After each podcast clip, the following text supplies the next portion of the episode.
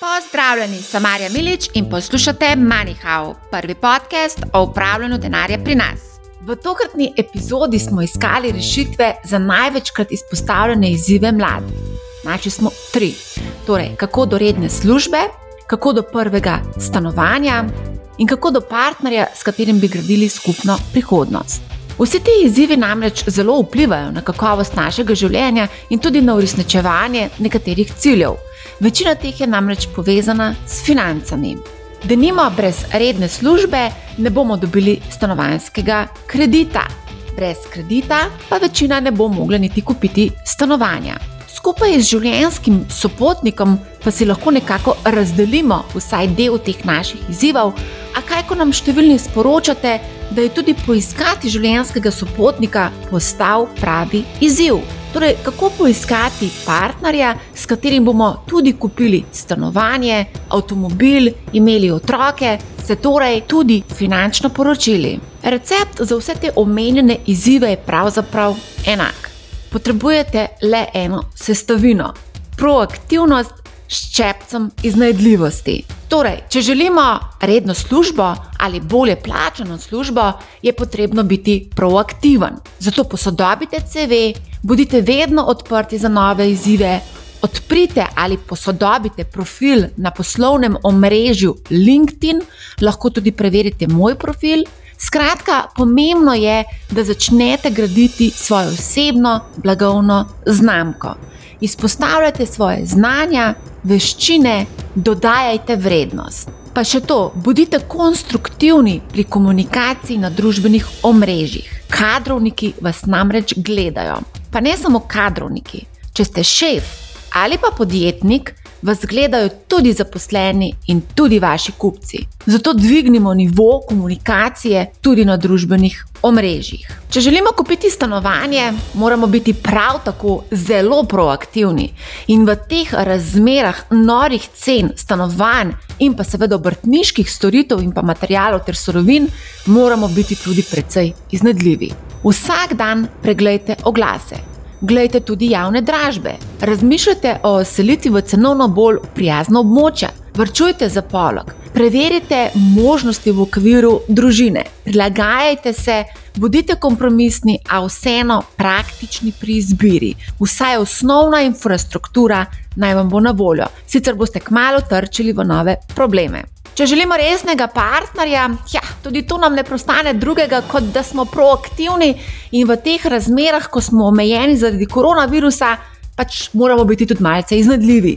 Ljubezen ne bo prišla k vam do vhodnih vrat, no, mogoče zdaj, ko malo razmišljam. Se pa lahko tudi to zgodi, ker veliko ljudi trka zadnje čase na naša vrata. No, šalo na stran, če partnerja ne najdete, je mogoče čas, da zamenjate strategijo in poskusite nekaj posebno novega. In nisem strokovnjak za to področje, več nam bo o tem povedala psihologinja. Kakorkoli, ko ljubezen končno najdete, pa se v bistvu pravo delo šele začne. Recept za vse te izzive je torej proaktivnost in iznajdljivost. Nekateri bi seveda raje hitre in instantne rešitve. No, ampak so stvari, ki se jih ne da instantno reševati in potrebujejo čas znanje, izkušnje, kapital in tako dalje. Dobivam pa tudi izredno veliko vprašanj, vezana na investiranje. Vprašanja so v bistvu precej podobna. Nekateri želite, da vam predstavimo v bistvu nekako baby steps v svet investiranja. Seveda bomo pripravili tudi investiranje po korakih, torej investiranje za začetnike. Veliko je tudi vprašanj, ki zahteva malce več znanja. Jaz vas vabim, da se nam vsi skupaj pridružite na Discord kanalu, kjer se tudi pogovarjamo o različnih strategijah, naložbenih, tudi investicijah. Seveda ne gre za neke nasvete ali pa naložbene nasvete, gre v bistvu samo za pač še en kanal, kjer v bistvu delimo naše znanje, izkušnje, opažanja in tako dalje. Tako da vabljeni. V nadaljevanju boste slišali tri top finančne izzive in rešitve, ki smo jih poiskali skupaj s sogovorniki. Sporočite mi svoje mnenje na marjaafnabusinessspace.com ali preko katerega od družbenih omrežij, če menite, da bi lahko vsebina koristila vašemu prijatelju, kolegu, znancu, sošolcu, ne vem, komorkoli, sorodniku, prosim, delite manjkav naprej. Če ste morda sami rešili na kakšen inovativen način katerega od omenjenih izzivov, mi prosim, pišite. In seveda, ne pozabite se naročiti na podcast Manihau, prisotni smo na vseh večjih podcast platformah, spremljate nas pa lahko tudi preko YouTube kanala Marja Milič. Predlagam, da gremo kar v akcijo, čakajo nas tri izzivi. Še enkrat prosim, sporočite mi svoje mnenje in želim vam prijetno poslušanje. Prvič, kako do redne službe, oziroma za tiste, ki že imajo redno službo, bomo poiskali odgovor, kako do službe, ki nam omogoča osebno in karjerno rast in napredovanje. O tem se bom pogovarjala s Klaro Zavrl, ki v IT podjetju Zemanta vodi procese zaposlovanja ter ostale kadrovske aktivnosti. Mimo grede, slovensko podjetje Zemanta je del svetovne platforme za priporočanje kakovostnih vsebin Outbrain. Klara je bila zaposlena tudi v kadrovski agenciji Competo in zelo dobro pozna izzive mladih pri zaposlovanju. Zdravo, Klara. Živijo, Marja. Preden greva na vsebino, še en mini dodatek, glede na to, da v podkastu Maniha govorimo tudi o investiranju, moram seveda tudi to omeniti. In sicer delnice podjetja Outbrain so od konca julija uvrščene na ameriško borzo Nasdaq torej slab mesec dni, delnica trenutno kotira pri 19 dolarjih, kar je dolar nižje kot v IPO-ju oziroma prvi javni ponudbi delnic. O investiranju bomo govorili kdaj drugič, zdaj pa o zaposlovanju.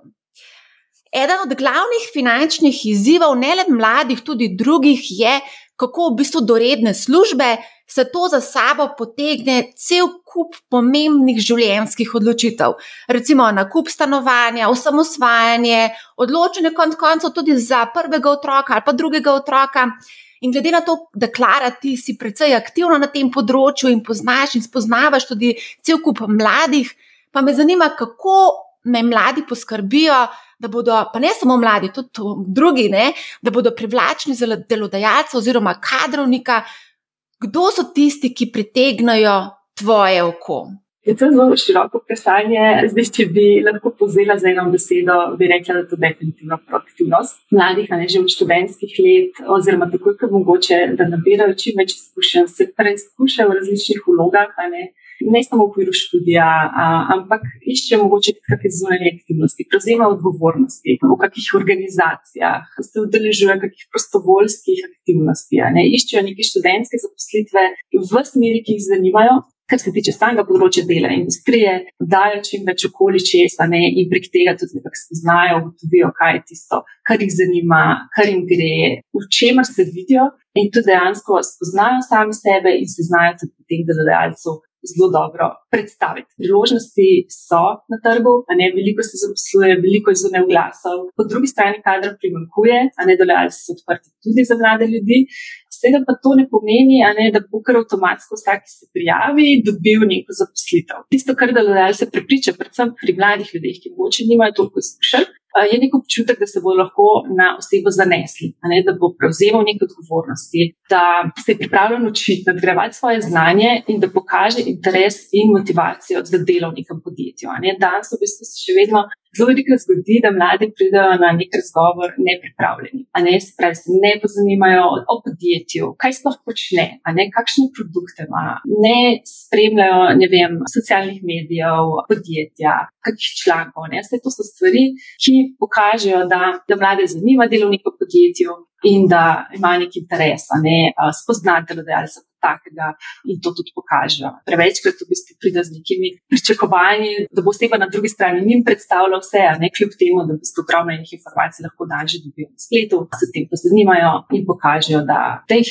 dejansko zanima ne neko delovno mesto ali pa neko podjetje, ki so videli. Okay, zdaj si govorila o tem, kaj v bistvu je potrebno vse pokazati delodajalcu, da smo pripravljeni pri njem tudi delati. Nedavno, ko sem delala prispevek o Kitajski in sem se pogovarjala z Metom Raškovičem, ki je živel in delal v Šanghaju, mi je povedal, da se je v službo in iz službe vozi po pet ur na dan.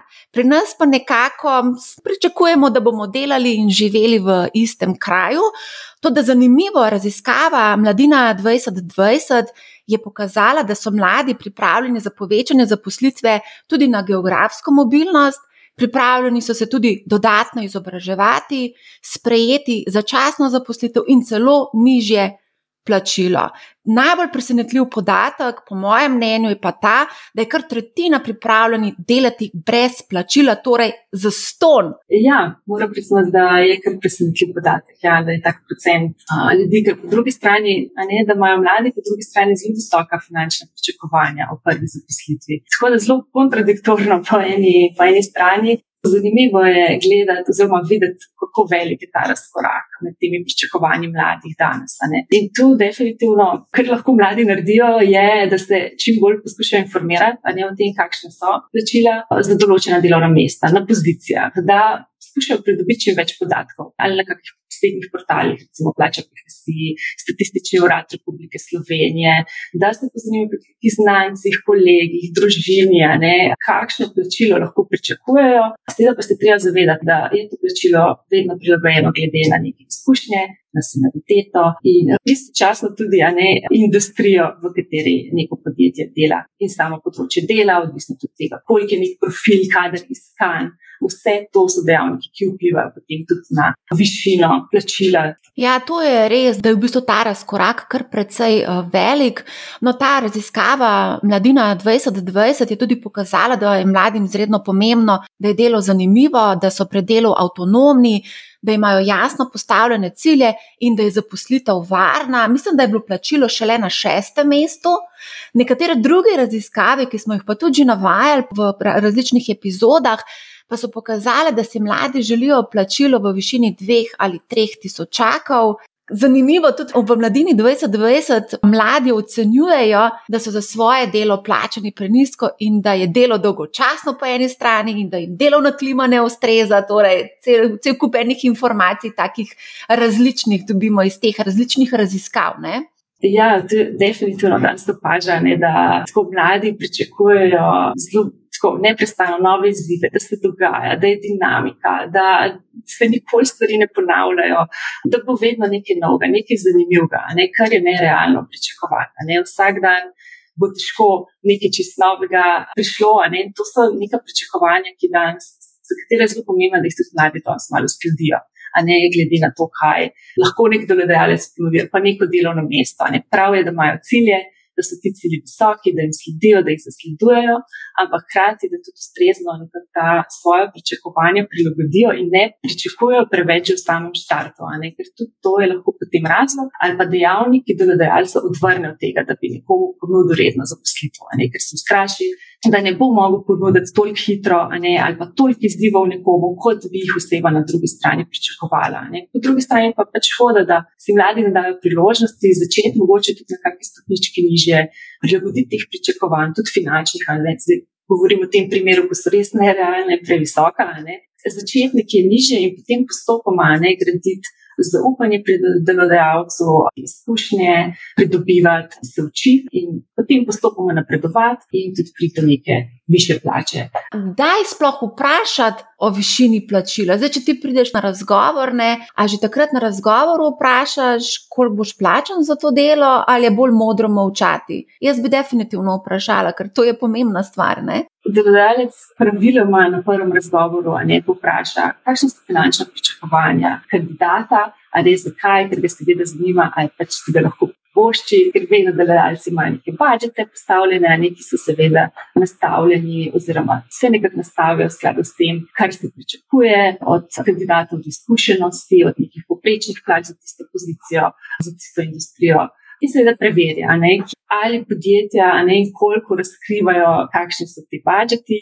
Pri nas v večini primerov ne, je to neka informacija, ki ni razkrita, ni transparentna, ne kot mogoče v tujini. Ker v bistvu je bolj uveljavljena praksa, da se odprto govori, kandidati odkrito povejo, koliko trenutno zaslužijo, podjetje odkrito govori, kakšne budžete ima za neko pozicijo, v glasih za delovna mesta, vidimo tudi nek razpon plačni ali finančni, ne pri nas je tako mogoče tudi malo kulturno pogojeno, neko nenapisano pravilo, da se o tem ne pogovarjamo toliko, ne tudi znanci, kolegi, bolj nekaj informacij, ki držimo zase. Čeprav to se spreminja ne? in uh, ljudje, sploh mladi, vedno bolj odkrito komunicirajo o tem, koliko zaslužijo, si povejo te stvari, pričakujejo tudi od delodajalca, da bo povedal, ne? koliko mu lahko ponudijo. Zdaj, v kateri fazi razgovora ali pogovorov ne, se o tem pogovarja, pa čisto odvisno. Lahko je to še na prvem pogovoru, a ne da se uskladijo ta pričakovanja, da se pove, ali je tu nekaj, kjer bi se lahko srečali ali ne, lahko je potem v zadnjih fazah, pa so še kakšna pogajanja, a ne pa seveda odvisno. Zdaj, manj izkušen kot imamo, imamo neke podlage za, za pogajanja, za više pri, finančna pričakovanja, več, ko imamo teh izkušenj, bolj, ko smo nek strokovnjak na nekem področju, a ne više plačilo, ki ga lahko pričakujemo, oziroma več imamo podlage za, za nadaljne pogajanja. No. Kako je pa relevantna formalna izobrazba?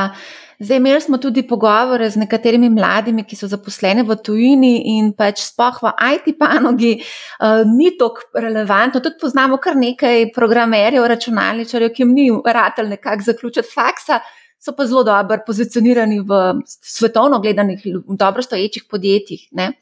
Pri nas, zdaj lahko govorim iz vlastne izkušnje, pa tudi mislim, da nasplošno je izobrazba vedno manj pomemben faktor dejavnik pri zaposlovanju.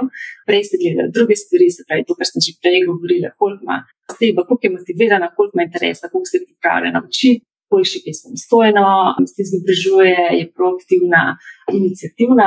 Tako da pri nas na Zamalti konkretno ne, je izobrazba pravzaprav v drugem, tretjem, četrtem planu. Seveda, sploh ne pri inženirjih super, ne, če, če prihajajo s tem ozadjem tehnološkim oziroma z fakultete za računalništvo in tako, ni pa to definitivno pogoj. Če se skozi intervjuje izkaže, da imajo ustrezno znanje, da imajo ustrezen potencial, a ne izobrazba ni nikoli pogoj, da tem ali bi nekoga zaposlili ali ne pri ostalih pozicijah pa enako. Pravzaprav tisto, kar nam je bolj pomembno, je, kakšno dodano vrednost oseba prinaša, koliko dobro govori to jezik, koliko dobro zna delati z ljudmi, koliko hitro se prilagodi nekim situacijam, koliko bo znala, koliko bo iznajdljiva, znala rešiti kot problem samostojno, sodelovati v timu. To so tiste stvari, katerim dajemo podarek in jih tudi preverjamo skozi razgovore.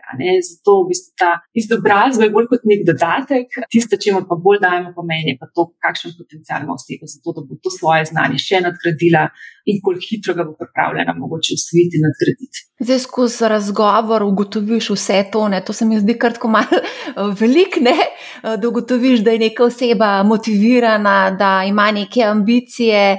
Kako v bistvu sploh to ugotoviš? Ja, na različne načine. Zdaj, veliko se ljudi mogoče že same prijave ali pa si vija, kjer oseba izpostavi, zakaj jo zanima delo pri nas, zakaj se vidi mogoče na nekem delovnem mestu. Na samem razgovoru zelo hitro lahko vidiš, koliko se oseba pozanimala o samem delovnem mestu, koliko je prebrala pozorno sam oglas, koliko je v mestu raziskovala malo samo podjetje, pozicijo razmišljala, koliko si je zastavljala vprašanja, kakšne stvari jo zanimajo, kaj je tisto, o čemer sama tudi misli, da je vem, najboljša, da gre najboljša, ne, v katero smer bi se želela razvijati. Tako da definitivno se da marsikaj preveriti uh, že skozi same razgovore. Mladi so precej aktivni tudi na družbenih omrežjih, ker v bistvu nekateri kar precej tudi aktivno komentirajo, pač povejo svoje mnenje, takšno in drugačno ali kadrovniki tudi zavijete na kakšno družbeno omrežje in malo prečakirate človeka, ki se je prijavil na prosto delovno mesto v vašem podjetju in preverite, kako komunicira na vzven. Ne? To se mi zdi pomembno. Definitivno je to ena od zelo pomembnih stvari. Da, sploh LinkedIn, recimo, je tako orodje, ne, zelo dobro, ki ga lahko v bistvu zelo fajn izkoristiš svoj prid, za nek svoj osebni brand, neko kredibilnost, se z njim zgradiš. In definitivno ti lahko pomaga, ne do neke redne zaposlitve, lahko tudi do nekih novih priložnosti, mreženja in tako naprej drugi strani pa z nekim takim mogoče nespametnim komuniciranjem, komentarji, ne negativnimi, ciničnimi, mogoče sarkastičnimi. Veliko tudi pove o sebi in se to je nek znak, oziroma neko vedenje, ki si ga delodajalec v svojem okolju navadno ne želi in se bo izveda v, v največji možni meri takemu kandidatu izognil in ga ne bo, ne bo zaposlil. Zdaj preverjamo pa tako, ne, ne da bi preverjali vsakega, ki se prijavi, ampak definitivno, če smo že dlje časa v pogovorih, je to ena stvar, ki jo tudi preverimo. Ne. Koliko je nekdo aktiven, kaj počne, je mogoče karkoli takega, kar bi lahko bila neka potencijalno predstavljala neko nevarnost ali pa neko pa negativno vedenje, no, ki si ga pač ne želiš. Je to konec koncev vpliva tudi na celotno klimo v samem podjetju in dejansko si ne zaželiš negativcev v svojem okolju, ki bi širili neke negativne misli ali pa destruktivne misli, to definitivno ne želiš tudi v svojem življenju. Tako da mogoče tukaj poziv vsem mladim, da je malo razmisliti, preden pritisnete send z kakšnim takim komentarjem, ki mogoče ni najbolj primeren. Gremo večkrat statistiko še pogledati. Zadnja raziskava Mladina 2020 tudi kaže upad prekarnih zaposlitev in povečanja deleža zaposlenih za nedoločen čas. 48,2 odstotka imajo zaposlitev za nedoločen čas, 27 za določen čas, 4,4 je samozaposlenih, 18,4 odstotka nima zaposlitve. To so mladi v starosti od 15 do 29 let. Zanimiva pa je tudi statistika, ki prikazuje percipirano brezposlenost mladih v starosti od 15 do 24 let.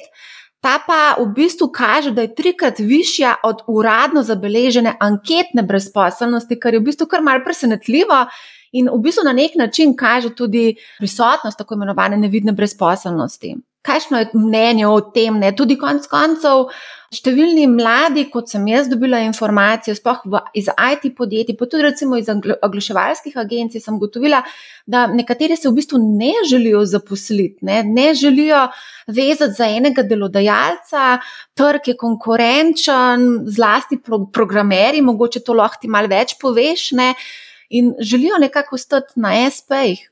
Ja, definitivno. Ne, to, kar praviš, je, je res. Ne, mladi, dosti krat eh, tako si želijo vseeno neke fleksibilnosti, svobode. In dosti krat, čeprav v smislu, da, da si želijo res redne zaposlitve, ki jim bo omogočila neko stabilnost, a, finančno neodvisnost in hkrati predstavlja tudi neko vezavo, ker je tako malo, ob čemer se lahko počutijo malo tesnovno, se jim zdi, da je to mogoče prevelika odgovornost, prevelika pričakovanja, ne bodo mogli kadarkoli izstopiti ne, iz tega in se zato pač raje odločijo za neke druge oblike, ki jim prinašajo več fleksibilnosti dela na različnih vem, projektih, mogoče tudi hitrejšo možnost menjevanja nekih področji, kar ne na zadnje, tudi ni nič narobe s tem, a ne tudi delodajalci rabijo ljudi, ki delajo samo projektno, po drugi strani pa tudi, a ne se mogoče nekdo najde bolj v tem, da pač dela en projekt, pa potem gre drug projekt, drugemu delovalcu in mu bolj ustreza mogoče tak način karijere in pridobivanja nekih novih ne, izkušenj. Mogoče bi se dotaknila še strahu in sicer uh, tukaj kaže ta anketa oziroma raziskava, da se je strah med mladimi pred brezposobnostjo nekoliko stabiliziral še vedno pa je precej prisoten, sploh pri ženskah. Se pravi, prihodnost je v bistvu negatova, eh, zlasti v bistvu službe mladih eh, so precej na prepihu, ko govorimo o kakšnem krčenju gospodarske aktivnosti in podobno. Ne? Ponavadi ja, a ne so tisti mladi mogoče prvi, ki pa ne izkušeni, ki, ki lahko zgubijo zaposlitev, ni pa nujno. A ne čisto odvisno spet, kakšno dodano vrednost predstavljajo za delodajalca, koliko se izkažejo, koliko podjetij doprinašajo. Zdaj, kaj se bo dogajalo na trgu dela, pa nihče ne ve. Ampak bolj, ko bodo opremljeni s nekim znanjem, pripravljeni neke spremembe, se pripravljeni učiti, bolj, bolj bodo tudi sami odporni. In v tem primeru bo ta strah, kaj pa zdaj, če zgubim, ko bom našel novo zaposlitev manjši, ker bo pač njihova zaposljivost višja, večja, hitreje bodo se pobrali, našli nekaj novega ne, in šli naprej. Ja, jaz vedno pravim, da je investicija v znanje tisto, kar se najbolj obrestuje, to je nekaj, kar gre s tabo, to je v tvoji glavi. Nihče ti tega ne more vzeti. Ne. Tako. Mogoče nam lahko zaupaš svojo izkušnjo, kako si prišla sama do prve redne zaposlitve. Ja, kot študentka, prišla sem v takrat kadrovsko agencijo Kompleto, ki je bila še zelo majhna.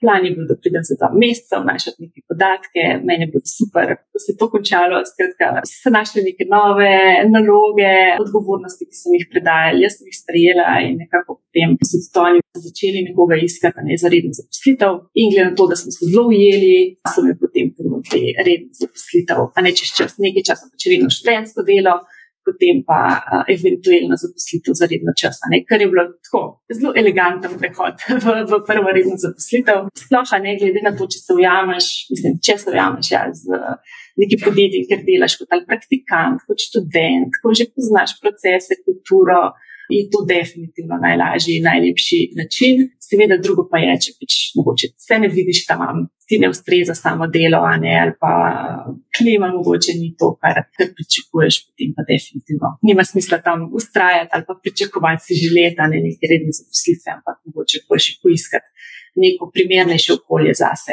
kjer se vidiš pač na daljši, na daljši rok. Mogoče bi v tem kontekstu tudi sama omenila, kako sem prišla do svoje prve službe. Jaz sem želela na vsak način delati na časniku finance, šla sem tudi na razgovor za novinarko, so me zavrnili, čež da nisem primerna. Moja želja je bila pa v bistvu tako močna, da sem na nek način skozi stranska vrata noter prišla in sicer mi je priložnost dala urednica uh, revije Manager, takrat je bila urednica revije Manager Vita Canko Javornik. Ona je očitno v meni prepoznala potencial. No, v petih letih um, dela preko študentskih napotnic in avtorskih honorarjev sem dobila tudi redno zaposlitev, tam sem bila potem 15 let, bila sem tudi urednica in odgovorna urednica. Ampak poanta moje zgodbe je, da če si resnično želiš nekje delati, te ta v bistvu zaprta vrata v bistvu ne sme odvrniti od cilja. In to je tisto, kar si ti v bistvu na začetku povedala, da je pomembno, ko gremo na razgovor za delo, da poznamo delodajalce in da se tudi vprašamo, ali želimo in če želimo sploh delati v tistem podjetju. Definitivno, ja. Jaz res verjamem, tam, kjer je volja, tam je pot. Treba včasih malo strajnosti, a ne, ne izide se vedno vse tako po planih, ali pa mogoče ne odbimo tako od tega, kar smo si zamislili, kar bi si želeli, ampak dokler res imamo neko voljo, dokler delamo na tem, definitivno se slejko prej odprejo neka vrata in ponudi neka priložnost. Ne. Ja, jaz tudi mislim, da to, kar si povedala, da je tudi treba nekako spremljati svoj napredek, rast, razvoj, in ko ugotoviš, da neko okolje ti tega ne nudi več, ali pa da si prerasel ali pa dozorel za neke nove izzive, pač greš novim izzivom naproti, ne smete biti strah, moraš biti pogumen, čeprav je težko stopiti iz cone obdobja, ampak eh, se ti na koncu lahko to zelo, zelo lepo obrestuje. Res je. Ja. Mlade res spodbujam, da grejo iz te cone obdobja no? in da se tako berejo, kakšne glase, se včasih dokaj ustrašijo. Ko bom jaz tega ne vem, ne bom zmogel in ne bo šlo. Ampak tako, ali ko iščeš pa zaposlitev, ali pa tudi tako menjaš, ne, službo, vedno je fajn, da je, mal, da je neki ziv, da ni nekaj, kar veš, ok, v tem super, odličen in nobenega. Vem, da bi bi super šlo, ne, ampak nič me ne bo mogoče porinilo ven iz te, iz te cone obdobja. Tako da vedno mora biti nekaj, kar krijem ali nek challenge, ne, kar te mal, mogoče te mal straha, ne, kako bo in na tak način potem rasteš, napreduješ, ne, vedno znova. Pri prevzemanju nekih novih odgovornosti, novih vlog, mogoče v njavi podjetja in tako naprej. Jaz tudi mislim, da moraš biti v službi, kjer si pač zaposlen, se moraš dobro počutiti, konc koncev tretjino svojega življenja pustiš praktično v službi, 8 ur na dan smo v službi, tako da je fajn, da se dobro počutimo v tistem okolju. In to je tudi zelo veliko vredno, sicer pridejo druge težave, stres, bolezni in podobno. Definitivno. Je to ena od stvari, ki je res, res zelo pomembna. Ne? Če se nekdo ne počuti dobro, nima smisla, da ustraja ne? v tistem okolju, v tisti poziciji. Ne pomeni, da je z njim kaj narobe, ampak enostavno ne paše v tisto okolje. Ali pa mogoče se ne najde najbolj v tisti neki vlogi, a ne more samo poiskati nekaj, kjer se bo našel. Ja, se to se mi zdi, da je pri številnih problem, ker mislijo, da je nekaj narobe z njim, a pa jih enostavno potem strah sprejeti to odločitev za neko spremembo v življenju. Ampak konstantno se nam dogajajo neke spremembe in če se jim konstantno tudi opiramo, to samo poglablja našo nekako frustracijo in nezadovoljstvo in ne izražaš oziroma ne izžarevaš neke pozitivnosti, že tako kot oseba. Ne? Ok, Klara, zavrl, najlepša hvala za tvoj čas, za vse te informacije. Pripričana sem, da smo marsikomu odprli oči in da bo nekako lažje se spopadal, oziroma prišel do redne službe, ali pa mogoče poiskal nove izzive, če v redni službi ni trenutno zadovoljen. Tako da iskrena, iskrena hvala. Hvala ti tebi za vabilo in vsem ostalim poslušalcem. Želim uspešno pot do, do prve zaposlitve. Drugič, kako do prvega stanovanja. Trenutne razmere na trgu nepremičnin so nore. Po eni strani cene stanovanj letijo v nebo, oziroma so rekordno visoke, po drugi strani pa imamo tudi izredno ugodna stanovanjska posojila, a kaj, ko na posojila vpliva tudi redna zaposlitev. Slišali smo, da ima manj kot 50 odstotkov mladih v starosti do 29 let službo za nedoločen čas, ki pa je zelo, seveda, pomembna pri najemanju stanovanjskega posojila. O tem, kako do prvega stanovanja, se bom pogovarjala z Andražem Briljem, ocenjevalcem vrednosti nepremičnin pri Capital Genetics. Zdravo, Andraž. Živijo, Marja. Evo, najprej bom nekaj statistik navedla, ker se mi zdi zelo zanimivo. In sicer približno 63 odstotkov mladih še vedno živi pri starših, kaže zadnja raziskava Mladina 2020. Kar 45 odstotkov mladih pa je povedala, da stanovanjska problematika za nje predstavlja zelo pomemben oseben problem. Pot do stanovanja pa največkrat ovirajo, da boš verjel finance. Te ovire segajo vse od nezmožnosti nakupa stanovanja s poprečno plačo, nezmožnost pridobitve primernega kredita, pa vse do nezmožnosti zagotovitve ustreznega bivanskega tipa nepremičnine, pa tudi lokacije. Problem je torej večplasten. Mogoče sam za primerjavo, leta 2010, ko je bila upravljena Mladina 2010 raziskava, je bila statistika veliko bolj, recimo, temu prijazna in sicer 32 odstotkov mladih je povedalo, da jim predstavlja stanovanska problematika resen osebni problem. Zdaj pa 45. Ali te, te statistike mogoče kaj presenečajo? Ne, te statistike me ne presenečajo kot si sama tudi rekla, je ta problem res večplasten in ga treba pogledati iz večjih vidikov. V vsakem primeru je v naši mentaliteti to, da, da si želimo lastnega, lastniškega stanovanja. Tako smo bili nekako vsi vzgojeni, tako je bila je navada v naši družbi, kar je recimo v primerjavi z neko Ameriko ali pa drugimi mogoče zahodnimi kulturami, mogoče malo drugače. Tukaj si mladi želimo lastnega stanovanja in lastne nepremičnine. Zdi se nam, da se zdi, da je, če ne kupimo nepremičnine in smo v njemu, da je to metanje denarja skozi okno. Tako so v bistvu nam vedno govorili in tako tudi vsi razmišljajo. Redko kdo si naredi v bistvu izračune in mogoče premisli v možnosti najema stanovanja.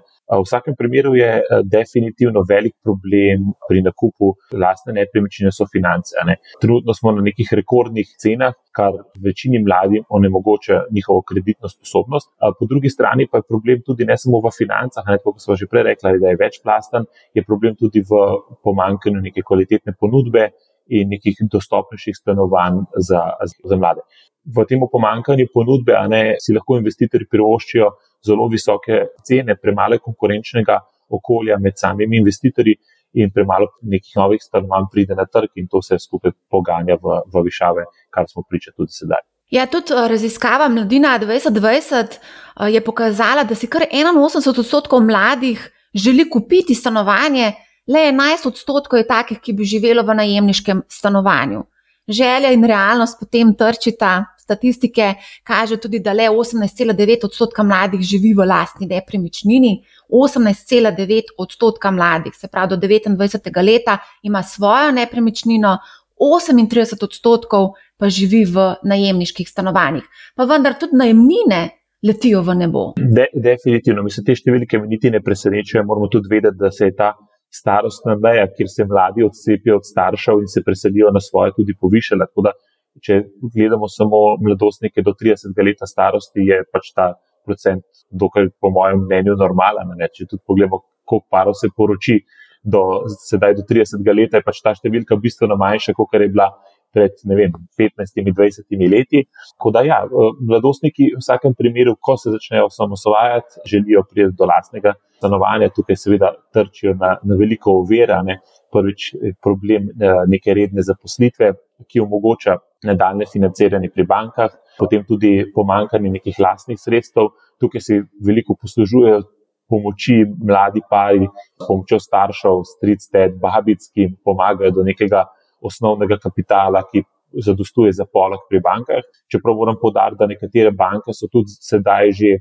Veliko bolj fleksibilne pri ocenjevanju kreditne sposobnosti svojih komitentov. Nekatere manjše banke zdaj tudi že gledajo prihodke na SP-jih, firmah, ki jih imajo mladi in njihove ostale prihodke.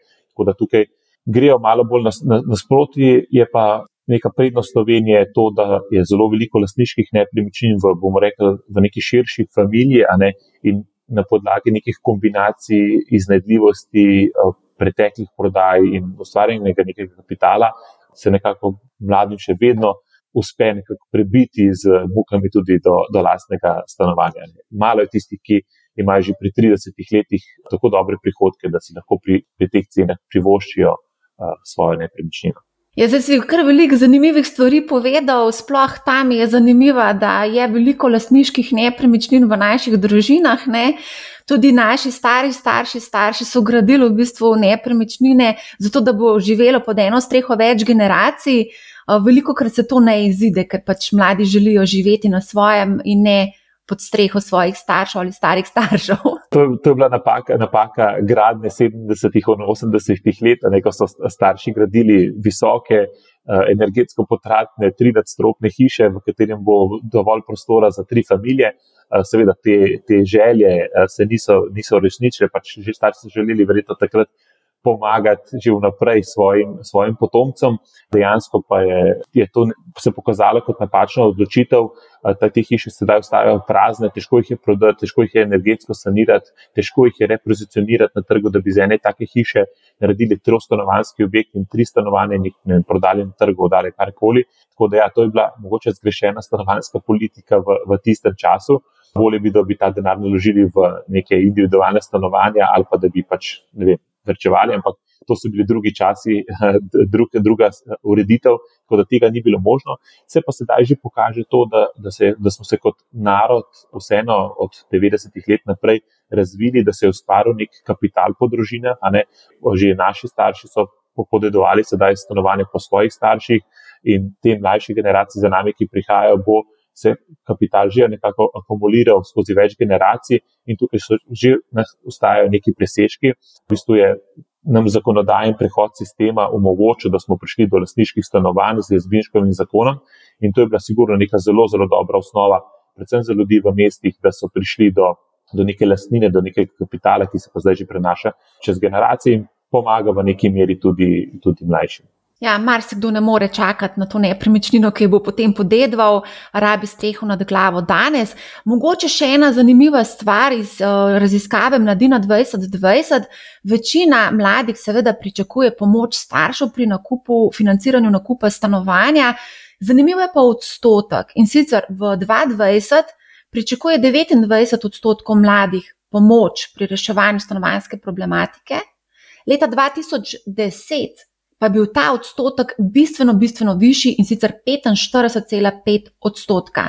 Torej, opazan je drastičen upad tega pričakovanja, da bodo starši nekako priskočili na pomoč, ali morda tudi se mladi zavedajo, da je težko preložiti breme nakupa nepremičnine na starše, ki tudi konec koncev morajo poskrbeti za svojo lastno penzijo, penzije vemo, da so izredno nizke. Mogoče jih to ni najbolj vprašanje za me, ampak sigurno se je, se je pokazalo to, da, da te presežki prihodkov tudi pri starših niso tako veliki, da, so, da morajo tudi starši sami razmišljati o pokojninah. Mogoče še ta generacija sta, naših v bistvu staršev. Je še iz tega sistema izhajala, da bo že sistem poskrbel za njih, ampak zdaj se vedno bolj kaže, da sistem ne poskrbi za to tudi v, v penziji starši so primorani dodatno pokojninsko vrčevati, skrbeti za to, da bodo imeli zadostne prihodke tudi v, v starejšem obdobju svojega življenja in seveda. Potem posledično manj, uh, imajo manj razpoložljivih prihodkov za, za pomoč svojim, svojim otrokom.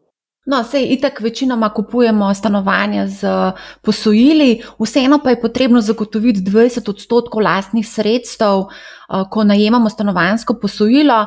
Kako je pa s tem? Zdaj, številni nimajo po več deset tisoč evrov cene stanovanci, kot si povedal, so na rekordu, kar potem tudi pomeni, da je potrebno rekordno visoke zneske imeti privrčevanje za nakup oziroma za, na, za možnost sploh najema. V eni od prejšnjih uh, srečanj najnih smo se pogovarjali in sem rekel, da je zdaj že čisto običajno, da je pol milijona evrov za, uh, za, za neko nepremičnino, ni več ni nekaj nenavadnega. Dobil sem veliko odzivov na, na to izjavo ne, uh, mojih kolegov in prijateljev in so se v bistvu sami strinjali s tem. Ne. Cene so dejansko šle in če si hočeš prvoščiti neko življenju primerno stanovanje za neko štiričlansko družino, so te cene sedaj 300-400 tisoč evrov, recimo v, v Ljubljani, kar posledično pomeni, da je treba zagotoviti 20% lastnih sredstev in te zneski se povečujejo in povečujejo. Ne.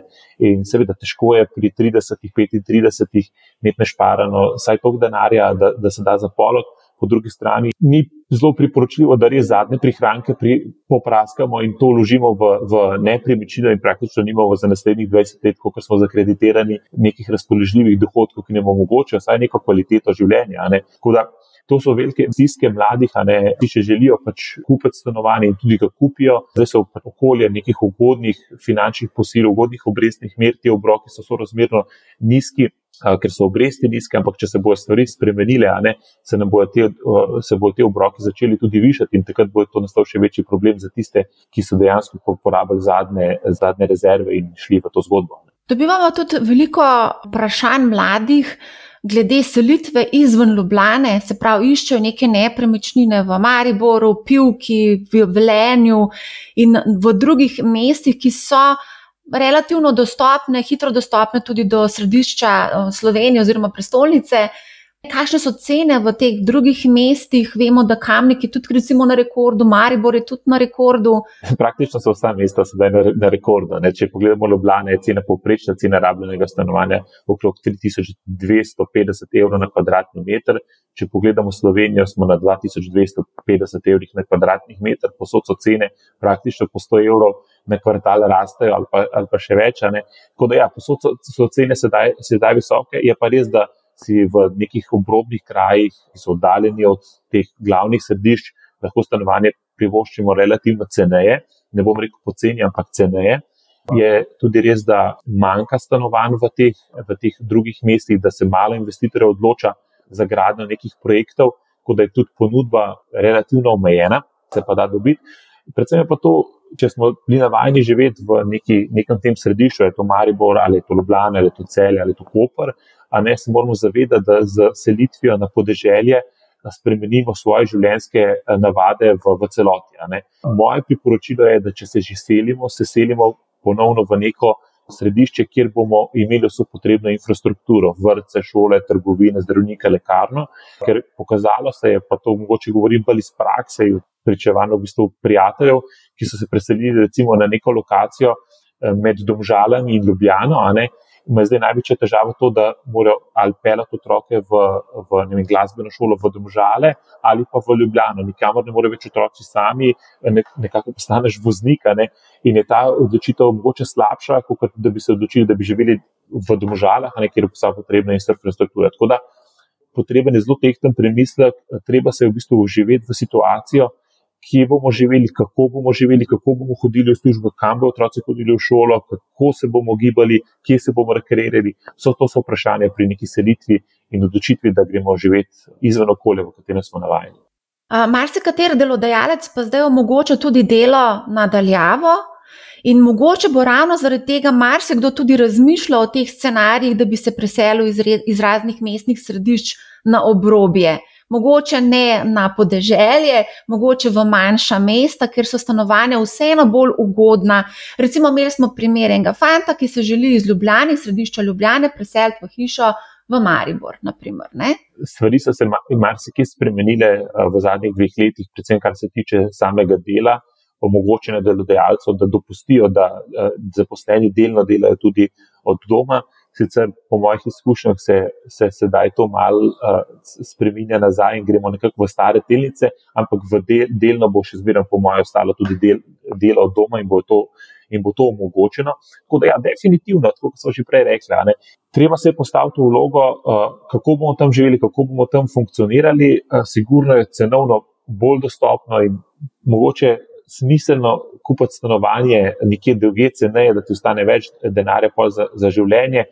Kvaliteta življenja na, ob, na obrobju, ob naravi je verjetno zelo boljša, kot v samem mestnem središču. Tako da to je stvar, stvar posameznika. Po drugi strani se je pa treba tudi zavedati, ne, da tudi služba ni večna in tudi služba ne bo vedno ista. Ne, mogoče bo naslednji delodajalec zahteval, da boste pohodili vsak dan v pisarno. Tako da tukaj je ogromno vprašanj, eh, katerih se je treba zastaviti, in marsikatero nimamo odgovora že vnaprej, ampak je stvar, eh, stvar osebne odločitve.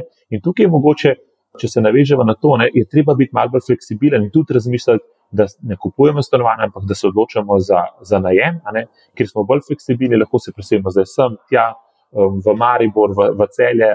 Mogoče izbijemo to mentaliteto našo iz glave, da ne rabimo biti celo življenje na istem mestu. Ne, tudi država zdaj tukaj ogromno dela v tej smeri, da bo. Čim več dostopnih najemniških stanovanj, tudi po ostalih mestih po Sloveniji, stanovanjski sklad Republike Slovenije kupuje po, po razno raznih manjših mestih uh, in omogoča najemna stanovanja, ne vem, Kočevje, Koroška in uh, Lendava in tako naprej. Tako da, ja, tukaj so možnosti odprte, ta trg, najemniški trg se, se razvija in tudi daje mogoče misliti mladim, da le ne bi samo želeli lastne nepremičnine, ampak da bi mogoče malo bolj fleksibilni in živeli po različnih koncih, saj Slovenije, če ne Evrope in sveta. No, super, to je ena dobra ideja. Ampak vseeno, še zmeraj odstotek mladih, ki želijo lastniško stanovanje, precej, precej visok. Pa da vam mečkam pogledati zadnje desetletje, kakšne so bile cene v Ljubljani, ki velja za motor nepremičninskega trga. Trenutno imamo 3250 približno evrov na kvadratni meter za rabljeno stanovanje. O novogradnjah ne bomo sploh govorili, ker so cene krat dva, krat tri. Leta 2010 je bil kvadratni meter rabljenega stanovanja v povprečju 2500 evrov, leta 2015 pa je bila cena 2000 evrov. Torej, če pogledamo celotno desetletje, je bilo kar precej dinamično za, na, na trgu nepremičnin. Imela sva od 2500, potem je padala na 2000, zdaj smo na ta, 3250. Kaj se dogaja na trgu, kaj lahko pričakujemo, kdaj bodo cene spet 2000 evrov na kvadratni meter? Uh, mislim, da je to zelo, zelo kompleksno uh, vprašanje. Uh, mogoče je treba za začetek pogledati še daljše obdobje kot zadnjih deset let, ne, ker tista prelomnica, ki se je zgodila na nepremičninskem trgu, je bilo leto 2008 in finančna kriza. Ne. Če pogledamo podatke od leta 1900 eh, naprej, ne, so cene stanovanj dejansko skozi rasle. Leta 2000 si, si dobil stanovanje v Ljubljani še pod 2000 evrov na kvadratni meter, in potem so te cene do leta 2008 narasle tudi nad, nad 3000 evrov na kvadratni meter. In so se, recimo, zelo pri, so bile takrat, smo rekli, da smo uh, ujeli nekaj cene iz 2008, leta 2019, da smo prišli na isti nivo, kot smo bili leta 2008. Ne. Tako da takrat uh, po finančni krizi je cena seveda drastično uh, padla. Predvsem zaradi posledic nekreditiranja, banke so mogli najprej sebe rešiti, in tako naprej, in se je pa trg nepremičninski čisto ustavil, in potem relativno hitro ukreval. Zdaj, če pogledamo dolgoročno, kaj se bo dogajalo s cenami, cene zelo korelirajo z rastjo bruto domačega proizvoda. Tako da dolgoročno, če gledamo 50-letno obdobje, cene dejansko skozi skos rastejo.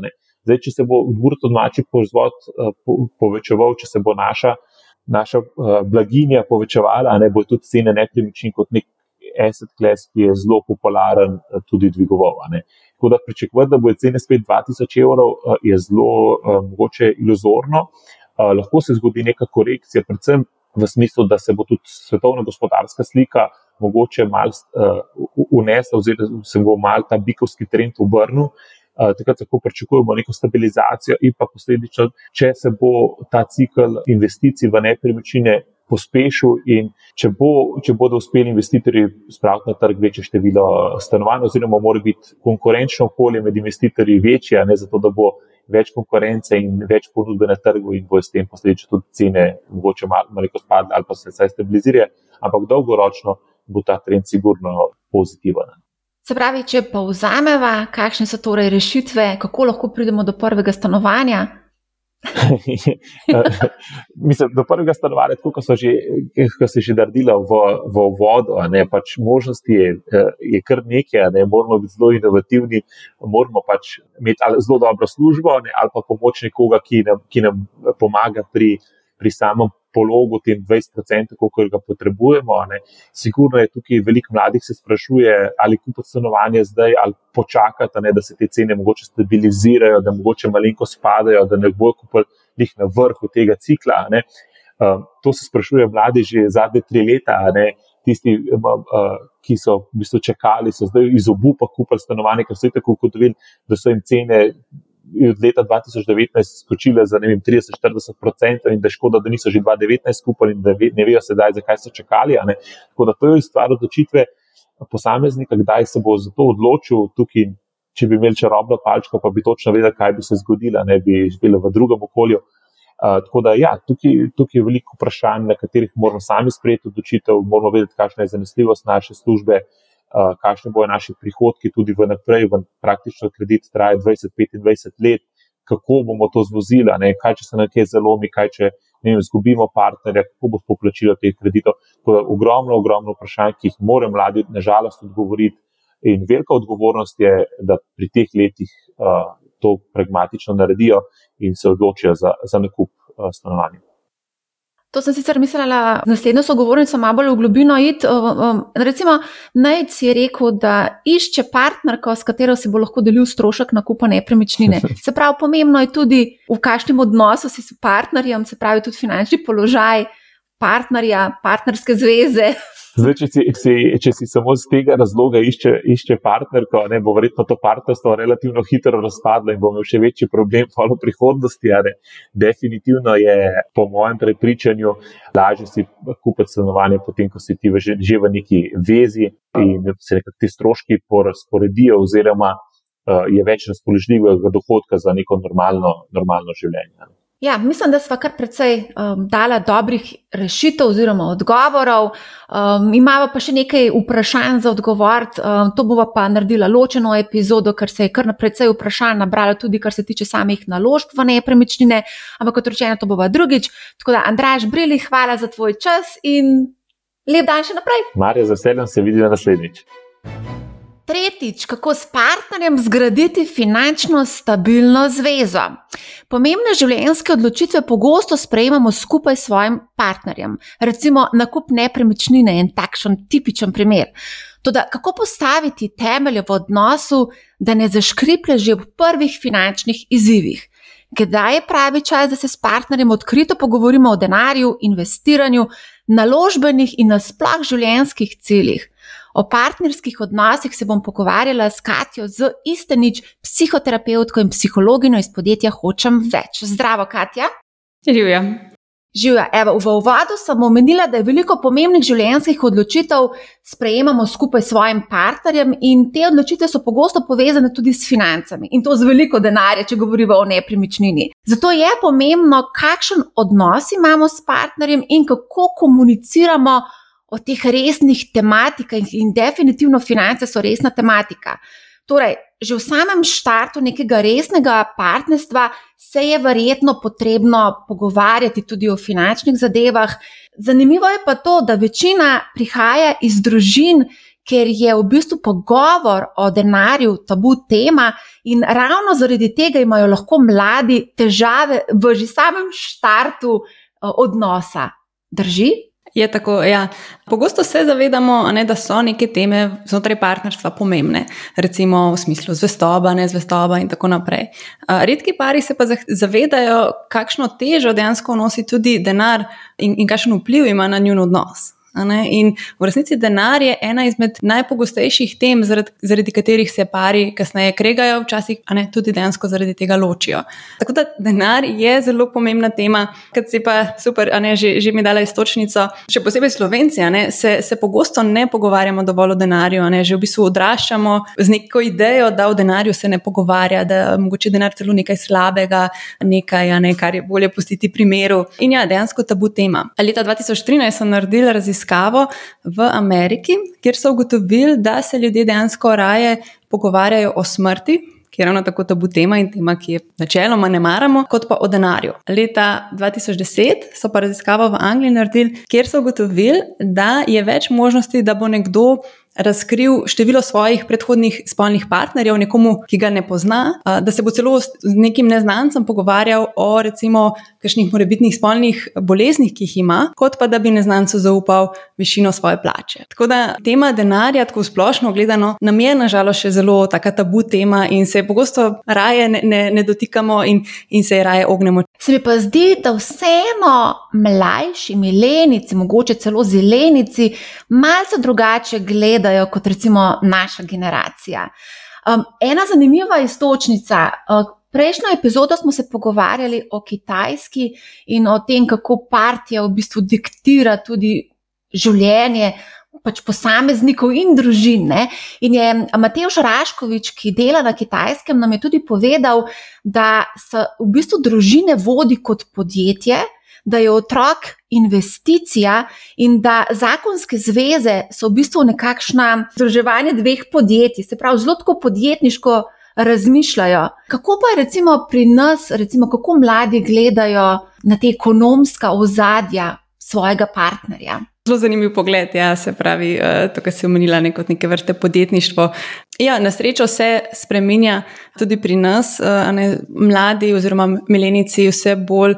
Se zavedajo, da denar ni kot tema, da to ni nič tako zelo takega, v smislu, da bi se morali te teme bati, pač pa da je to v resnici tema, ki je zelo široka, ki, ki se jo definitivno splača raziskati, o kateri se, se splača pogovarjati. Zmeraj opažam manjko tega, da bi malenkost bolj raziskovali svoje neka lastna prepričanja o denarju, da bi raziskovali partnerjeva prepričanja o denarju. Znamo se že pogovarjati malenkost o denarju v tem smislu, kaj si želimo, oziroma morda kakšnih finančnih ciljih, ne znamo pa še mogoče toliko zelo ozavestati, recimo, kako dejansko vidimo denar, oziroma kako potem z denarjem zares tudi ravnamo. Boljše neko izhodišče imajo tisti, ki že tako odraščajo v družinah, kjer je denar bolj spremljiva tema, kot tisti, ki mogoče nimajo dostopa do teh tem, oziroma kjer, kjer denar velja kot nekaj slabega, oziroma nekaj, o čemer se ne govori. Zato pa jaz menim, da bi morali v šolah imeti obvezni ali pa saj izbirni predmet v osebnih financah. Žal se pa učijo samo gospodinske finance in to tudi večina predvsej dobro obvlada, se pravi prihodki in odhodki, ampak to ni dovolj. Ne? Potrebno je gledati onkraj tega, potrebno je tudi investirati, sploh če želimo uresničiti kakšne cilje, kot je recimo biti lastnik stanovanja enkrat v prihodnosti. In tukaj recimo je zanimivo, kako v bistvu partnerstvo, kako ljudje iščejo, recimo, naj konkretno nam je poslal vprašanje, kako naj poišče, kje naj poišče partnerko, s katero si bo lahko delil strošek nakupa stanovanja. Verjetno je v zadnjem tudi misel, da kakšna ljubezen pride v poštev, ampak ja, želi v bistvu si nekako deliti ta strošek svoje partnerice. A, zdaj, okay, vsaj jaz ne poznam, nažalost, nobene um, aplikacije ali pa nekega, nekega mesta, kjer bi se združevali uh, tisti, ki, ki želijo kupiti stanovanje, v smislu, da bi se tudi romantično povezali. Vsekakor je pa ne, pomembno, da že na začetku smo pozorni na to, na razne znake. Glede tega, kako oseba razmišlja, kar se tiče denarja, kakšne cilje ima, ali si želi kupiti stanovanje v neki dokaj bližnji prihodnosti ali ne. ne. In tudi kako ne na zadnje ravna z denarjem. Še preden se začnemo zares pogovarjati o denarju, lahko prepoznamo določene znake, v smislu, koliko si oseba privošči, ali je bolj pomemben nek navidezna podoba, da ima veliko denarja, se pravi, da veliko za neke znamke, za neke zadeve, pa morda manj za vrčevanje, za investiranje in tako naprej. Se pravi, ne, neke znake lahko že prej prepoznamo in tako lažje ocenimo, ali je oseba taka tudi iz finančnega smisla, da bi bila za nas, ali pač morda žal ne. Ko se pa recimo obnese zveza med razsipnežem, pa varčnežem, ali pa špekulantom, pa konzervativnežem. A to lahko funkcionira? Zdi se mi, da tukaj zna biti zelo veliko prepirov. Ja, je lahko kar tako minsko polje včasih. Je pa ne, realnost partnerstva taka, da ponavadi skoraj v vsaki zvezi je kakšno, kakšna taka zadeva, kakšna tema, kakšno področje, kjer se malenkost bolj razhajamo. Lahko je zdaj to denar, lahko je pač kaj drugega. Tako da, ravno tako kot tudi pri drugih temah, a ne tudi pri denarju, potem pomembno, da se znamo pogovarjati, da se znamo pogovarjati na odprt način, na neobtožujoč način, da znamo raziskovati, kakšne so naše skupne možnosti, da se mogoče najdemo v tem, da imamo morda nek skupen cilj. Ne glede na to, da so mogoče poti do tega skupnega cilja rahlo drugačne, da sklepamo kompromise in tako naprej. Tako da je možno, zahteva pa to seveda neko mero odprtosti, sprejemanja in tudi potrpežljivosti. Zdaj, ko si omenila, da tudi na drugih področjih je to pomembno, sem se spomnila na področje zdravja ker se mi tudi zdi, da lahko hitro pride do raznih prepirov, če naprimer nekdo zelo skrbi, pa nekdo nič ne skrbi za svoje zdravje, ker to na dolgi rok prenese cel kup nekih finančnih posledic, lahko za obane in za celo družino. Tako da to je tak, ena stvar, ki mogoče ne bi smela zanemariti. Tudi zdravje je izredno pomembno, ne samo fizično, ampak tudi mentalno. Absolutno, absolutno. Ja, zdravje v resnici pogosto ga ne povezujemo, tipično ga ne povezujemo s financami, pa je dejansko, ne, tako, kot si rekla, ne, tudi mentalno, ne, recimo že kakšna izgorelost ali kaj takega, ne, ko oseba dejansko pač ni zmožna takrat delati, mogoče leto, dve. Ne, absolutno je to povezano s financami. Ne. Tudi ne na zadnje, recimo, pogled, v katerem se partnerji lahko zelo razlikujeta, tudi kar se tiče zavarovanj. Recimo, če, če smo nek samostojni podjetnik, ali imamo urejena še kakšna zavarovanja, ali ne smo klep potem takoj, takoj bogi, če se nam kaj slučajno zgodi, ali če v kažem smislu za nekaj časa nismo zmožni za delo. Tako da, ja, hitro hitro te zadeve potegnejo za sabo, potem poleg vseh čustev, ne tudi finančno plat. Ja, definitivno. Sploh pa recimo, če greš v kupovati neko nepremičnino, so tukaj dolgovi v ozadju in tukaj je nujno potrebno kakovostno zavarovanje za primer smrti, torej riziko zavarovanje pri samostojnih podjetnikih definitivno nezgodno zavarovanje, ker ko si ti enkrat invalid, nesposoben, nezmožen za delo. Jaz, jaz poznam enega fanta, pri 23 letih je postal tetraplegik, strošek prilagoditve na novo življenje je bil preko 100 tisoč evrov, to so res nore cifre. S tem, da ne more več nikoli v življenju delati in prispevati. To, kot je prej prispeval, ne? to so vse pomembne stvari. Ne? Pomembno je pa recimo tudi to, kako bomo v bistvu vodili gospodinske finance, se pravi, ali bomo imeli skupni bančni račun, ali bomo imeli vsak svoj račun plus skupni bančni račun in kako bomo razdelili stroške. Kako je recimo v praksi s tem? Zelo mešano. Uh, jaz ponadi parom na terapijah predlagam, da kar malenkost vse skupaj vzamejo kot neko raziskovanje, mogoče celo kot malenkost neko igranje, da preizkusijo več različnih variant. Ne, nekateri želijo imeti strogo ločeno in potem dajo nocenta natančno, ne zračunajo, koliko je bila položnica za elektriko in dajo to na pol. A nekaterim ta način sploh ne odgovarja, pa si umislijo recimo skupno denarnico in dajo vsak mesec neko soto tja in potem iz tega uh, vrčuje, um, iz tega plačujejo razne zadeve. Nekateri imajo radi, da ne, malenkost bolj po občutku, kdaj plača en, kdaj plača drug, da se še zmeraj lahko častijo ali pa nekam peljejo. Tako da tle ni nekega pravila, v bistvu bolje je pomembno, da, da se počutimo dobro z našo odločitvijo in pa da se počutimo vseeno finančno varne. Se pravi, da vemo, da imamo nadzor nad našimi financami, da vemo, koliko damo za posamezne zadeve. Te dva kriterija sta ponadi najpomembnejša, da, da se dobro počutimo in da vemo, kaj se dogaja z našimi financami, da imamo nekako razdeljeno. Ne. Včasih tudi glede na zmožnosti, ne, če znotraj para ne, en zasluži bistveno več in ta drugi bolj malo, seveda ne, se lahko kle dogovorita, da ni pol-pol. Tako da to je stvar potem dogovora, je pa pomembno, da, da je to nekaj, o čemer se pogovarjata, da preizkušata razne zadeve, da torej raziskujeta, kaj njima ustreza. Kaj pa recimo pri dolgovih? Jaz se mi zdi, da, pa, da mogoče so celo bolj natančni pri delitvi tega, kot pa pri delitvi stroškov. ja, pogosto. Ja. In tudi ja, dolg je, je nekaj, kar je velikokrat lahko močen vir stresa, a ne sploh nekomu, ki mu mogoče gre lahko v nekem momentu bolj za nohte iz finančnega smisla, kot, kot drugemu. Recimo. Tako da ja, dolgovi so nažalost velikokrat lahko vir prepirov, oziroma, um, oziroma tudi splošne napetosti. Ne? Včasih lahko stvarijo neko splošno napeto vzdušje in se potem par skrega glede nekatere tretje zadeve, nepomembne zadeve, pa v resnici bil vzrok ravno dolg oziroma ravno finance. Tako da tudi tukaj velja, da se čim več pogovarjamo, da si znotraj tega vseeno ustvarimo nek občutek varnosti, ne, da vemo, da, da imamo svoje finance pod nadzorom, ne glede na to, da imamo morda nek, nek večji dolg. Kako pa je z naložbenimi portfelji oziroma nasplošno z investiranjem? Zdaj, kot vemo, nek nekateri so bolj nagnjeni k investiranju, spoh ženske opažam, da bistveno manj investirajo. Jaz bi rekla, da je bolj smiselno, da ima vsak svoj investicijski račun, zaradi tega, ker so tudi nagnjena k tveganju različna, saj nista partnerja enako nagnjena k tveganju, pa verjetno so nekako tudi vrčevali naložbeni cilji lahko različni med partnerima. Kakšno je tukaj situacija na terenu? Jaz v bistvu opažam več variant, ja, in kot si omenila, ne se pravi, da, da ima ta pač kar ločeno, nekateri imajo tudi skupaj. Kar jaz ponadi najbolj prilagam parom, je, da se predvsem o tem izobražujejo. Recimo, da pogledajo kakšno recimo, spletno predavanje, da preberejo kakšno knjigo, kakšen članek in tako naprej. Se pravi, da sta skupaj noter v tem. Ne glede na to, ali imata potem dejansko, recimo, dejansko skupaj investirati ali ne, ali vsak, vsak posebej, da sta čustveno in miselno skupaj v tem. Se pravi, to je nek njun skupen projekt, neka zadeva, ki jo istočasno še druži, da torej oba veste, o čem govorite, ko omenjate kakšne izraze. Se pravi, da je to nekaj, kar, kar jo druži in ne a ne nekaj, kar se samo en zanima za to, da drug pa zavija z očmi, ali pa recimo ga to sploh ne zanima, ali pa ga je strah, ker ne pozna in tako naprej. Ja, v realnosti je potem malo to drugače. Dosti krat slišimo od žensk, da njih finance pač enostavno to pač jih ne zanima, da jih ne zanima investiranje in da te odločitve popolnoma prepuščajo svojemu partnerju. Kar pa po eni strani niti ni tako dobro. Ja, ker hitro zelo v bistvu stanemo zadaj. Ne, se pravi, recimo, če si pogledamo nek tak naraven proces, zdaj si ga mislim, da je malo zmiselna, za vsakega ne je lahko malo drugačen, ne, ampak recimo, da je nek par skupaj nekaj let in da se do zdaj nista kaj dosti zanimala za finance.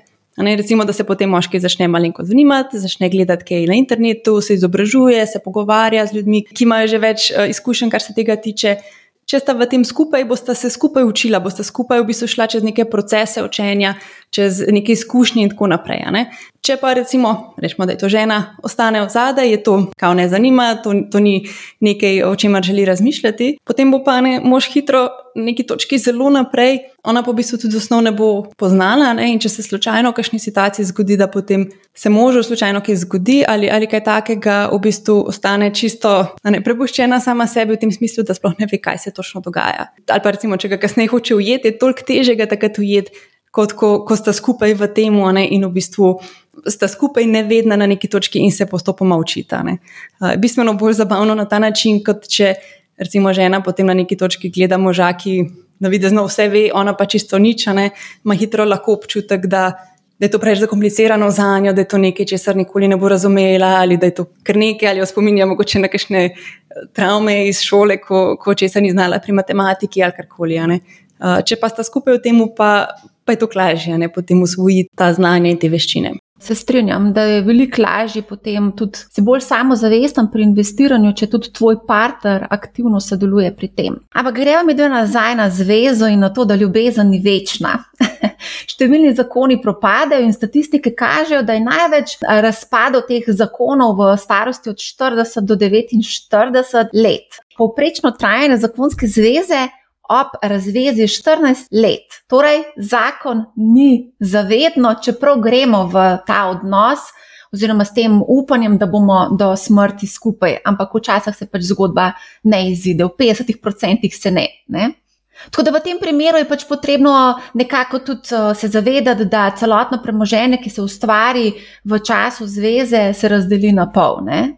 Zdaj, ja, je več variant, recimo nekateri strokovnjaki zagovarjajo idejo, da da je dobro iti že s tem zavedanjem v zakon.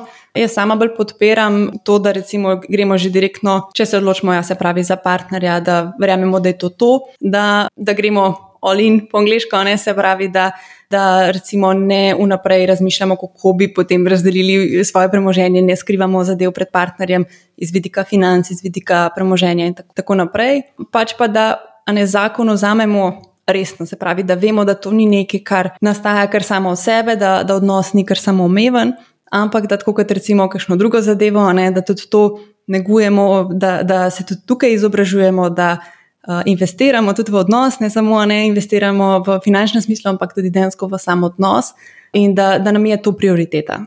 Se pravi, koliko skrivnosti je pa lahko potem v zakonu, spoh kar se tiče recimo financ. Prej se omenjala raziskave, ker plača ostaja skrivnost, ne, ne želijo deliti svoje plače. Jaz poznam tudi kar nekaj milijonarjev, ki svojega premoženja ne razkrivajo ženam. Ne. Pa imajo čisto srečen zakon, no moram to poudariti. No. ja, ja. Lahko tudi ne pari funkcionirajo tudi na ta način, da, da ne razkrijejo svoje plače. Je pa to, a ne vseeno, nek del njih, ki ostane potem partnerju skrit. In vedno, ko, ko se partnerji odpiramo, ko se razkrivamo, ko, ko damo karte na mizo, ne, v bistvu si ustvarjamo potencial, da smo še bolj povezani s partnerjem, da, da imamo še več čustvene bližine. Tako da, ne, še posebej, če so naše finance nekaj, kar mogoče nas kdaj tudi malo zaskrbi, ali pa recimo, da, da, da ne vemo, kako, kako bi neko finančno odločitev sprejeli, na kakšen način in tako naprej je lahko super, da v bistvu imamo še nekoga, ki je skupaj z nami v tem, ki ima eh, v bistvu iste ali pa pač podobne finančne cilje in ramo vse te teže financ nositi sami, ampak smo lahko še z nekom skupaj v tem. Tako da jaz bolj kot psihologinja zagovarjam to, da, da je tudi to predmet pogovora, da, da to ni nič. Da to ni nekaj, kar bi zdaj določalo, ali, mislim, ali zviševalo ali pa zmanjševalo našo vrednost. Ker pogosto se mi zdi, da gre v bistvu ravno za to, ne, da, da ne želimo razkriti plače, zato ker nas je strah, ali da nas bo oseba potem drugače gledala, da nas bo presojala, ali da recimo nas bo mis, smatrala kot nekaj manj ali kot nekaj več. Preveč neke teže damo tisti številki, ki jo dobimo na računu. No, ravno to sem tudi hotela vprašati, kaj pa če je finančna premoč enega od partnerjev večja, ali to lahko postane potem težava v odnosu Recimo, da ženska zasluži več od moškega, da bo imela en kontraprimer, ker načeloma je zakorenjeno prepričanje, da je moški tisti, ki prinaša večji, večji del uh, k financam, kot pa ženska. Ne? Dejansko je ja, prav v, v takih situacijah, ne se pravi, da ženska zasluži več kot moški. Statistika kaže, da je več ločitev. Ampak jaz mislim, da je to še zmeraj malo rezultat od naše družbe, kakršna je bila do sedaj. Ne, se pravi, ta ideja, ja, da moški zasluži več, da je moški tisti, ki skrbi za družino. Denar, absolutno, ja, je lahko velikrat problem in, in lahko je problem, posebej, če ga enačimo z močjo. Ne, se pravi, več denarja, ko imam več moči, imam več lahko potem povem ali pa v smislu, če jaz kupim zdaj vem, to stanovanje, potem pa jaz lahko odločam, kaj bo v noter postavila in tako naprej. Se pravi, ko enačimo denar z močjo, ko enačimo denar s tem, da uveljavljamo svojo voljo, takrat hitro postane to problem. Tako da spet smo potem nazaj pri tem, da se pogovarjamo o tem, da se v bistvu že vnaprej zmenimo, recimo, če naš partner zasluži bistveno več kot mi sami. Ne, da se že naprej pogovorimo, kako bo to zdaj izgledalo. Ne, se pravi, recimo, ja, če bo partner kupil hišo, ali pa bodo večinski del za hišo ali stanovanje, kaj to zdaj pomeni? Kakšna so tista neizgovorjena pravila, neizgovorjena pričakovanja v zadej? Ne, da že vnaprej razčistimo, ali bo to vplivalo na naš odnos, na kakšen način bo mogoče lahko vplivalo, ali ne, ali recimo potem tisti partner, ki da manj k stanovanju, ima njegove ideje in njegove želje enako težo kot od drugega partnerja.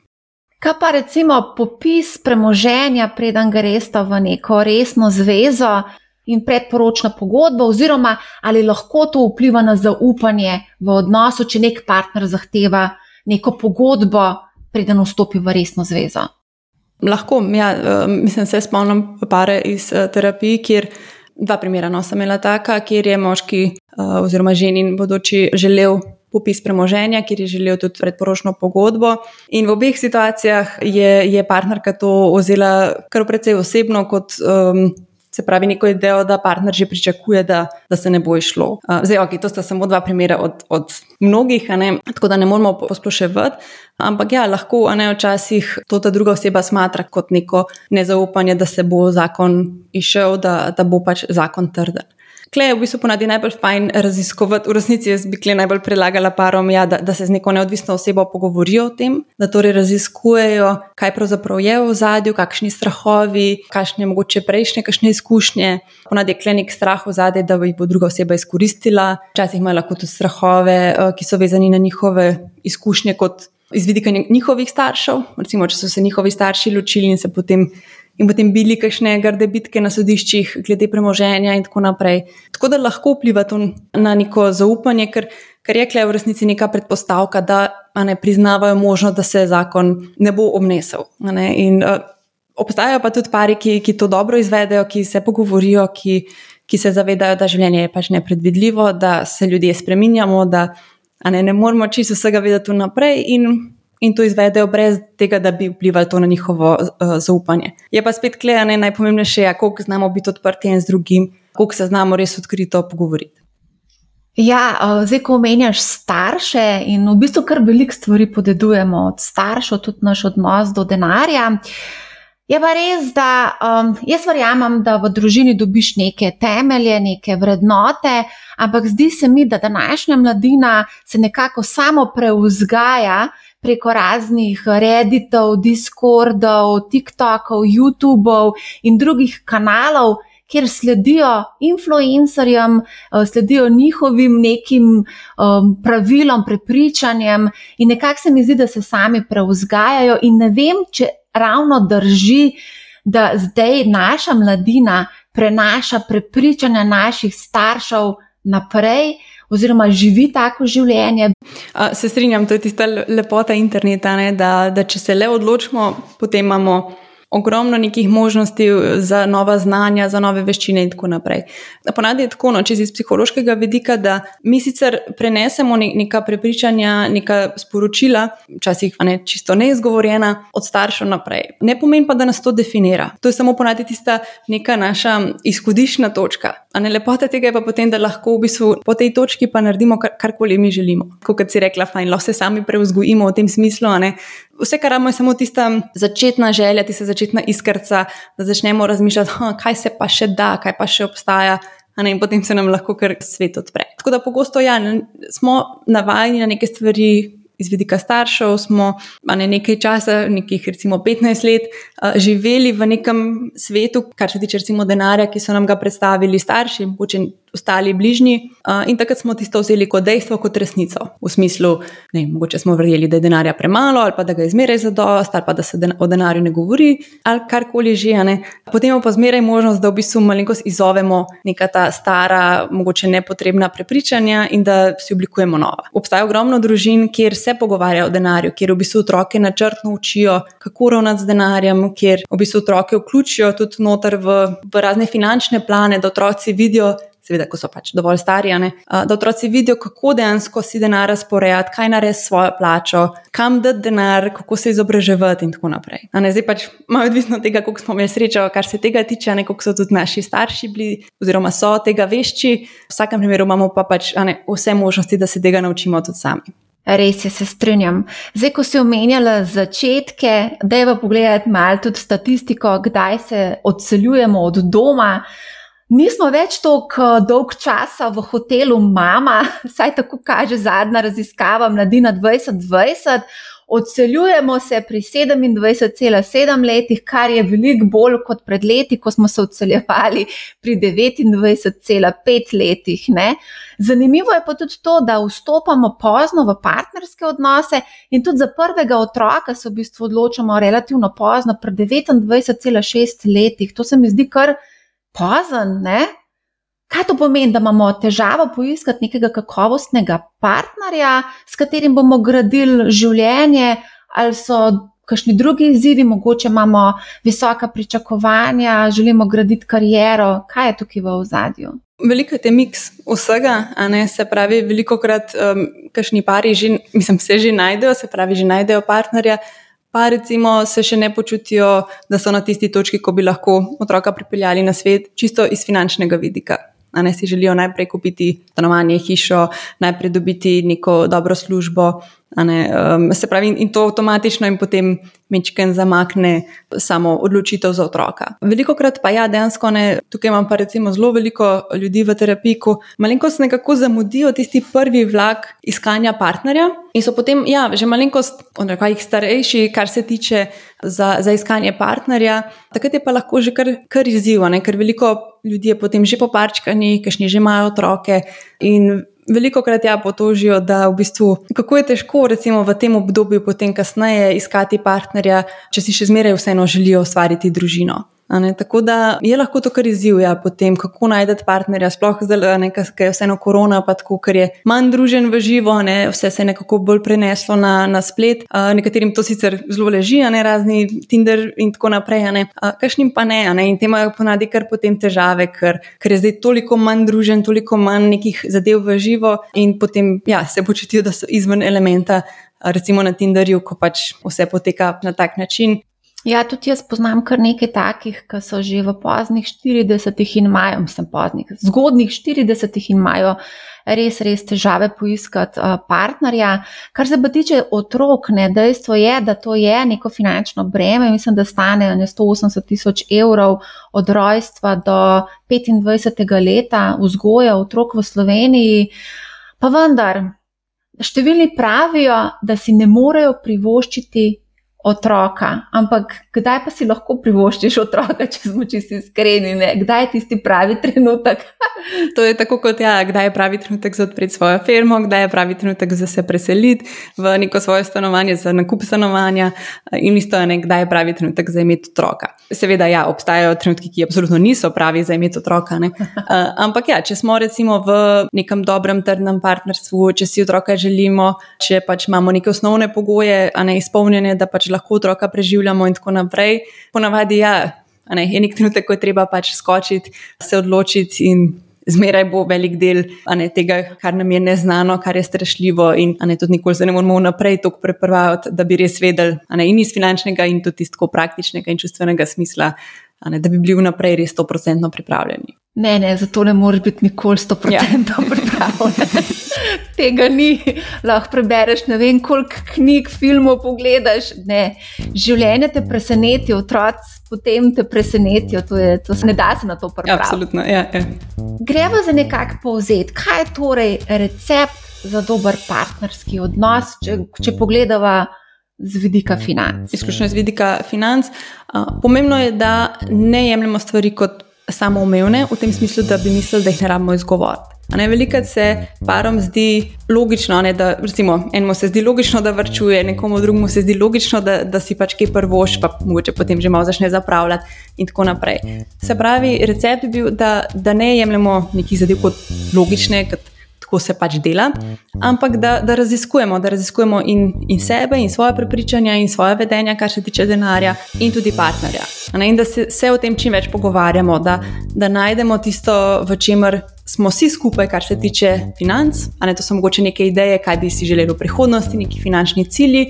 In da tudi, če smo na začetku malenkost na različnih bregovih, da bi svoj tisti cilj, tisti, ki nas druži. In da se potem pogovarjamo, da raziskujemo, da sprobamo več variant, kaj bo za nas deloval, za nas kot par deloval, kaj mogoče ne bo. Se pravi, da smo čim bolj odprti in da se čim, čim več o tem pogovarjamo. Ja, se s tem zelo, zelo strinjam. Mislim, da je potrebno, da se aktivirata oba, ne samo moški, ponovadi, neko kar slišim. Tudi, recimo, fajn, da začnemo tudi otroke relativno hitro vzgajati v tem duhu, da spoznajo, da finance niso bav, bav. Ne. Tako v bistvu gradimo uh, blaginjo naše družbe, lepše življenje na, za nas same in pa seveda za našo družbo. Vsaj tako se mi zdi. Ja, ja.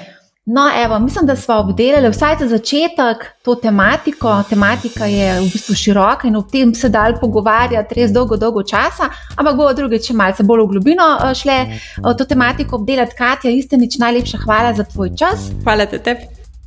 Tako prišli smo do konca. Še enkrat se zahvaljujemo vsem sogovornikom, ki so se vzeli čas in delili svoje znanje in izkušnje, in seveda dali kupico zelo uh, koristnih uh, napotkov, kako v bistvu se lotiti vseh teh omenjenih finančnih izzivov. Upam, da vam bodo te napotki prišli prav. Če imate kakršno koli vprašanje, mi pišite na marja.afnabusinessspace.com ali preko katerega od družbenih omrežij. Naročite se na pot podcast Manihau. Zelo bom vesela, če boste posredovali informacijo o podkastu prijateljem, znancem, sorodnikom in vsem, za katere menite, da bi jim vsebina lahko koristila. Poslušajte Manihau, ne bo vam žal.